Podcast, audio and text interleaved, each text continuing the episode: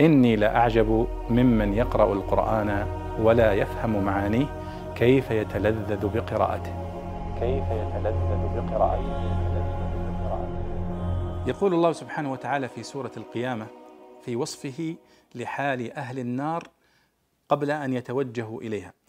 فيقول سبحانه وتعالى ووجوه يومئذ باسرة.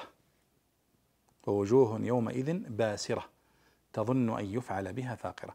هنا كلمة باسرة ربما تكون كلمة غريبة غير مستخدمة كثير. ما معناها؟ معنى هذه الكلمة وجوه يومئذ باسرة إشارة إلى موقفها يوم القيامة قبل أن يتوجه بها إلى النار. فيصف وجه الكفار أو وجيه الكفار بأنها باسرة أي كالحة كاشرة سوداء مظلمة. قالوا وهذا حالها قبل أن يتوجه بها إلى النار والعياذ بالله. قالوا لأن البسر البسر هو الرطب قبل أوانه قبل أن ينضج يسمى بسر. وابتسار الشيء هو يعني أخذه قبل أوانه. فهنا بسور الوجوه كما في قوله سبحانه وتعالى إنه فكر وقدر فقتل كيف قدر ثم نظر ثم عبس وبسر. قالوا عبس وبسر يعني اكفهر وجهه وكلح وجهه. قالوا هو يعني آه، تغير الوجه قبل أوانه. فكذلك هنا هم أول ما يعرفون أن مصيرهم إلى النار تسود وجوههم. لذلك الله سبحانه وتعالى قال وجوه يومئذ مسفرة ضاحكة مستبشرة ووجوه يومئذ عليها غبرة ترهقها قترة. هذه نفس المعنى.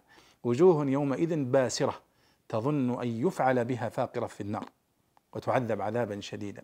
فاذا البسر هنا في معنى التغير قبل الوقت.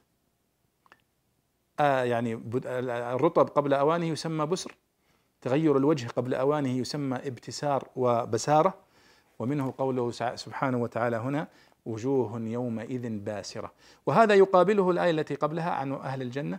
وجوه يومئذ ناظرة من النظرة والجمال إلى ربها ناظرة. يعني تنظر إلى ربها في الجنة كما أخبرنا النبي صلى الله عليه وسلم. ويقابلها وجوه يومئذ باسرة كالحة متغيرة سوداء بسبب تلقيها خبر آه، دخولها النار والعياذ بالله.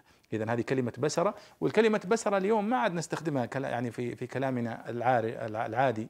ولغتنا المنتشرة وإنما هي أصبحت تعتبر من الكلمات الغريبة التي تستخدمت في القرآن الكريم في مواضع محدودة جدا في باسرة هنا وفي إنه آه ثم عبس وبسر في سورة آه سورة المدثر. في أمان الله.